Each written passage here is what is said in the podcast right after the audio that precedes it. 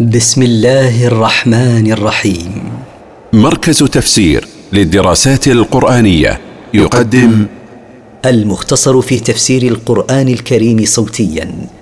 برعاية أوقاف نور الملاحي. سورة القدر من مقاصد السورة. بيان فضل ليلة القدر. التفسير. انا انزلناه في ليله القدر. انا انزلنا القران جمله إلى السماء الدنيا كما ابتدانا انزاله على النبي صلى الله عليه وسلم في ليله القدر من شهر رمضان.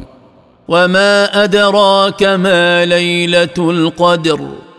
وهل تدري ايها النبي ما في هذه الليلة من الخير والبركه؟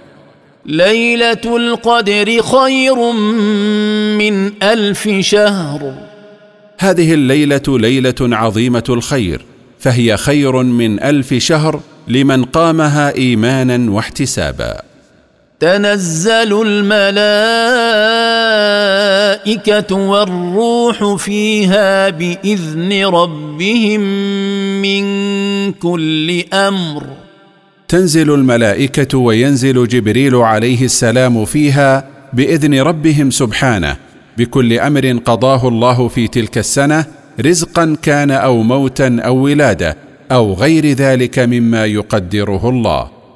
سلام هي حتى مطلع الفجر. هذه الليلة المباركة خير كلها من ابتدائها حتى نهايتها بطلوع الفجر.